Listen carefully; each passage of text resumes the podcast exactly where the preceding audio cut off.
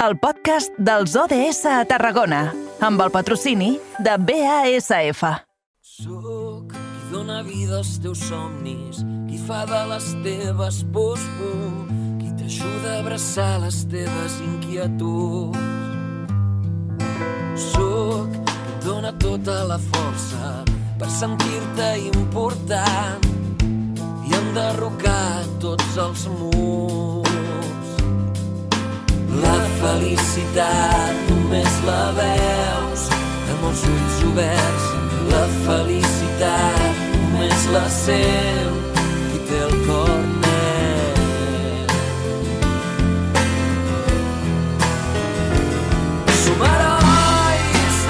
I com us dèiem a l'inici, encetem aquesta darrera hora parlant sobre els ODS, els Objectius de Desenvolupament Sostenible. Avui ens centrarem en l'ODS número 10, el que parla de la reducció de les desigualtats i la solidaritat.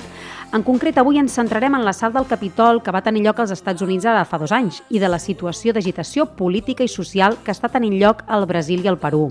Per fer-nos l'anàlisi de tot plegat, ens acompanya avui el nostre col·laborador habitual, en Gonçal Barrios, membre i impulsor de la coordinadora d'ONGs de Tarragona. Bona tarda, Gonçal.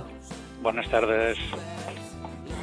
Avui és raro, eh? Tu no estàs gaire acostumat a parlar amb mi. De fet, no ens coneixem, però avui la nostra companya Angie doncs, no hi és i, i jo estic aquí una mica substituint-la. Molt bé, eh, m'alegro moltíssim també, perquè a vegades un canvi també va bé i espero que tot funcioni perfectament, eh? Serà un canvi temporal i jo ja t'he dit que jo deixo eh, plena confiança a, a, les teves mans, en el teu coneixement i en el teu saber. Perquè hem començat un 2023, veníem d'un 2022 agitat i el 2023 també ha començat potent, no? Sí, ha començat molt potent. Ja ho podeu veure que per tot arreu hi ha molts alius i la qüestió internacional està molt complicada. Uh -huh, uh -huh. Volíem parlar d'aquest fet que va ocórrer als Estats Units, no? aquest assalt al Capitol. Sí, bueno, eh, a veure, és un, un moviment eh, que primer caldria dir que segueix un patró molt semblant amb altres països com el que ha passat a Brasil. Eh? No exactament com el que ha passat a Perú, que tenen altres connotacions i altres processos històrics, però el que ha passat a Brasil també, no? I que produeix la desestabilització moltes vegades recolzada de l'exterior per provocar un canvi de president i, evidentment, de govern, però sense passar per les urnes, no? en la qual hi ha una manca de reconeixement o de negació, que també hi entrem en aquest tema, del que han sigut els resultats de les eleccions. No?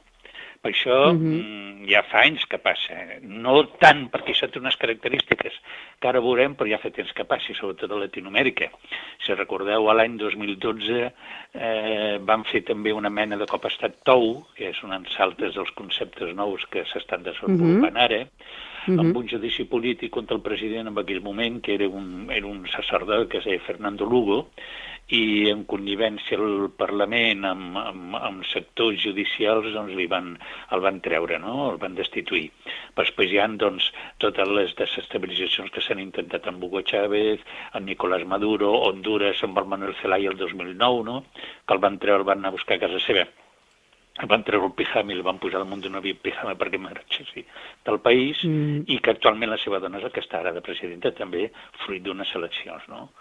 A Equador, mm -hmm. el Rafael Correa, a Brasil, Lula, ja hem vist el que ha passat, ell va estar del 2003 al 2007, i després va tornar a guanyar unes tantes eleccions fins al 2011, i ara ha tornat a guanyar les eleccions, però tota la desestabilització que va patir ell abans d'aquest assalt també, diguem, a la seu democràtica dels edificis de justícia del Parlament de Brasil, la seva successora Dilma Rousseff també la van destituir, i la van destituir també de males maneres i amb moltes mentides, no? Després, eh, a Bolívia també el 2019, Evo Morales, vull dir, hi ha tot un seguit d'històries que, que són importants a tenir en compte per veure que això no és la primera vegada que passa. El que passa és que té unes connotacions a partir de lo, de lo que hi ha hagut amb el Covid una miqueta diferents, no?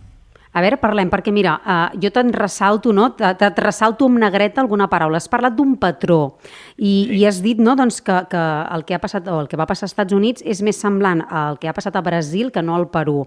Quin patró, quin patró en comú veus en aquests diferents uh, episodis polítics no, que estàs comentant? Mm -hmm. Mira, hi ha a nivell internacional una mena d'extrema dreta, d'internacional d'extrema dreta, que he anomenat alguna vegada amb aquestes entrevistes, mm -hmm que eh, desenvolupa tàctiques molt semblants a diferents països. Això no va començar Donald Trump, però Donald Trump ha sigut una de les persones que més ho ha impulsat. Després hi ha Bolsonaro, aquí a Europa Uribe, eh, perdó, Uribe Colòmbia, aquí a Europa mm. Urban, Le Pen, mm. Meloni, Salvini, etc etc.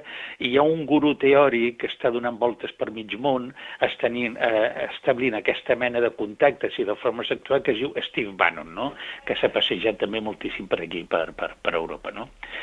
També hi ha una desinformació tradicional de les xarxes d'informació mm. i mm. desinformació que no és que hagin començat ara, però ara s'han incrementat moltíssim.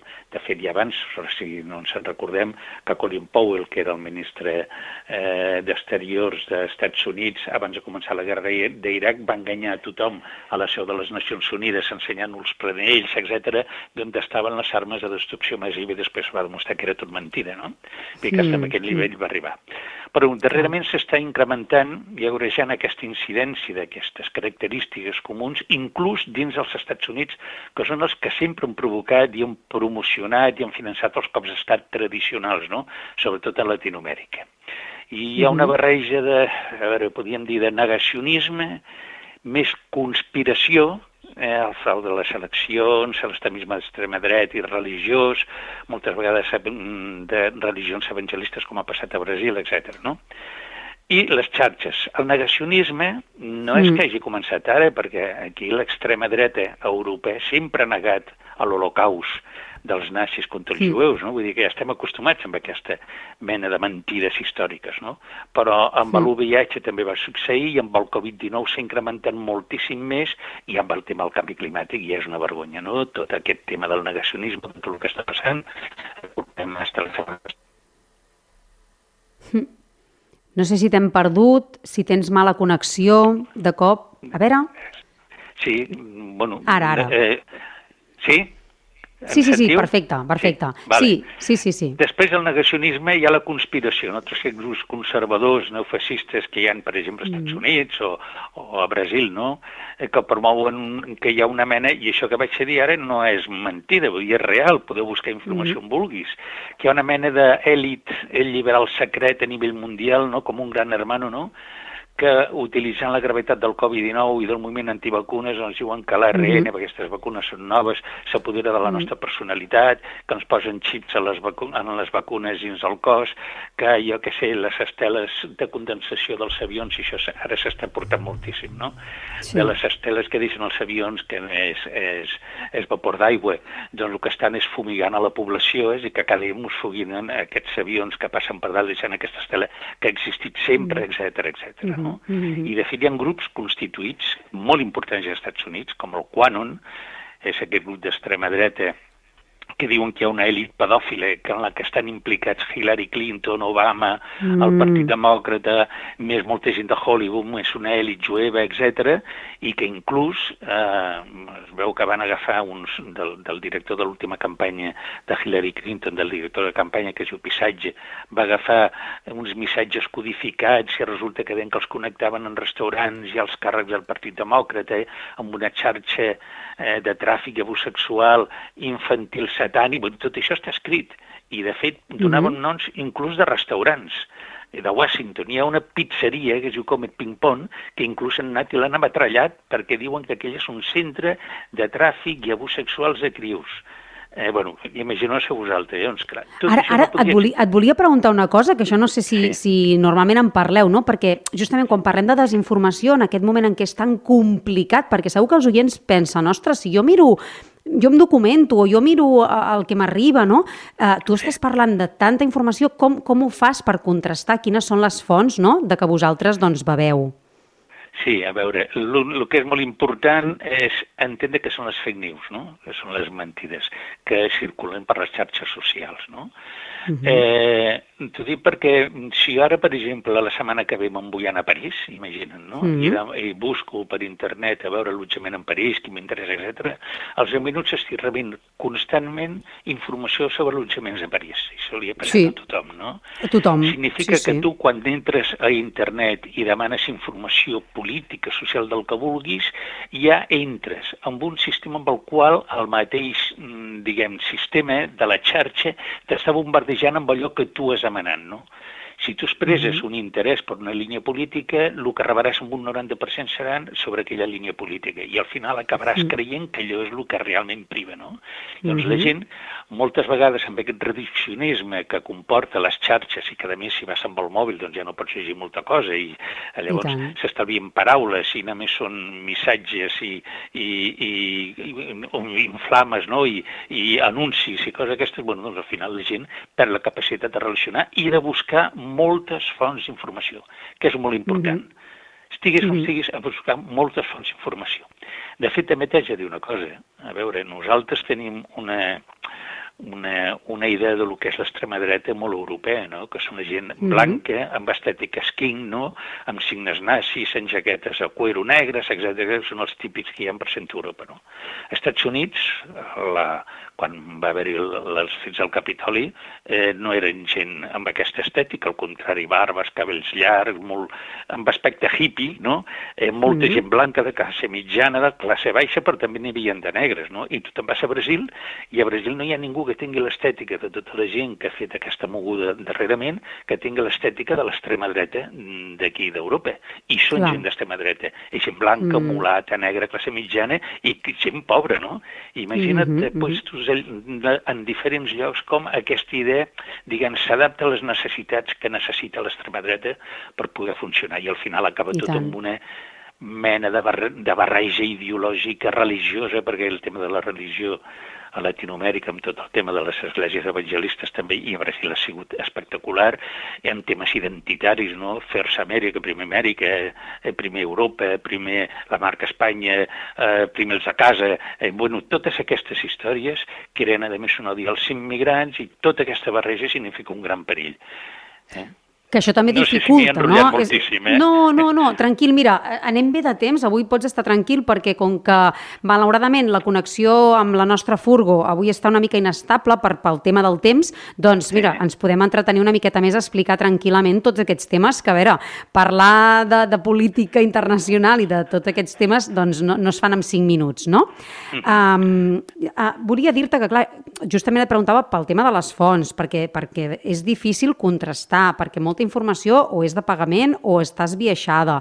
Uh, després tot el tema del clickbait, que clar, es busca aquell titular atractiu llaminer que ens, que ens agafi aquelles emocions més viscerals, no?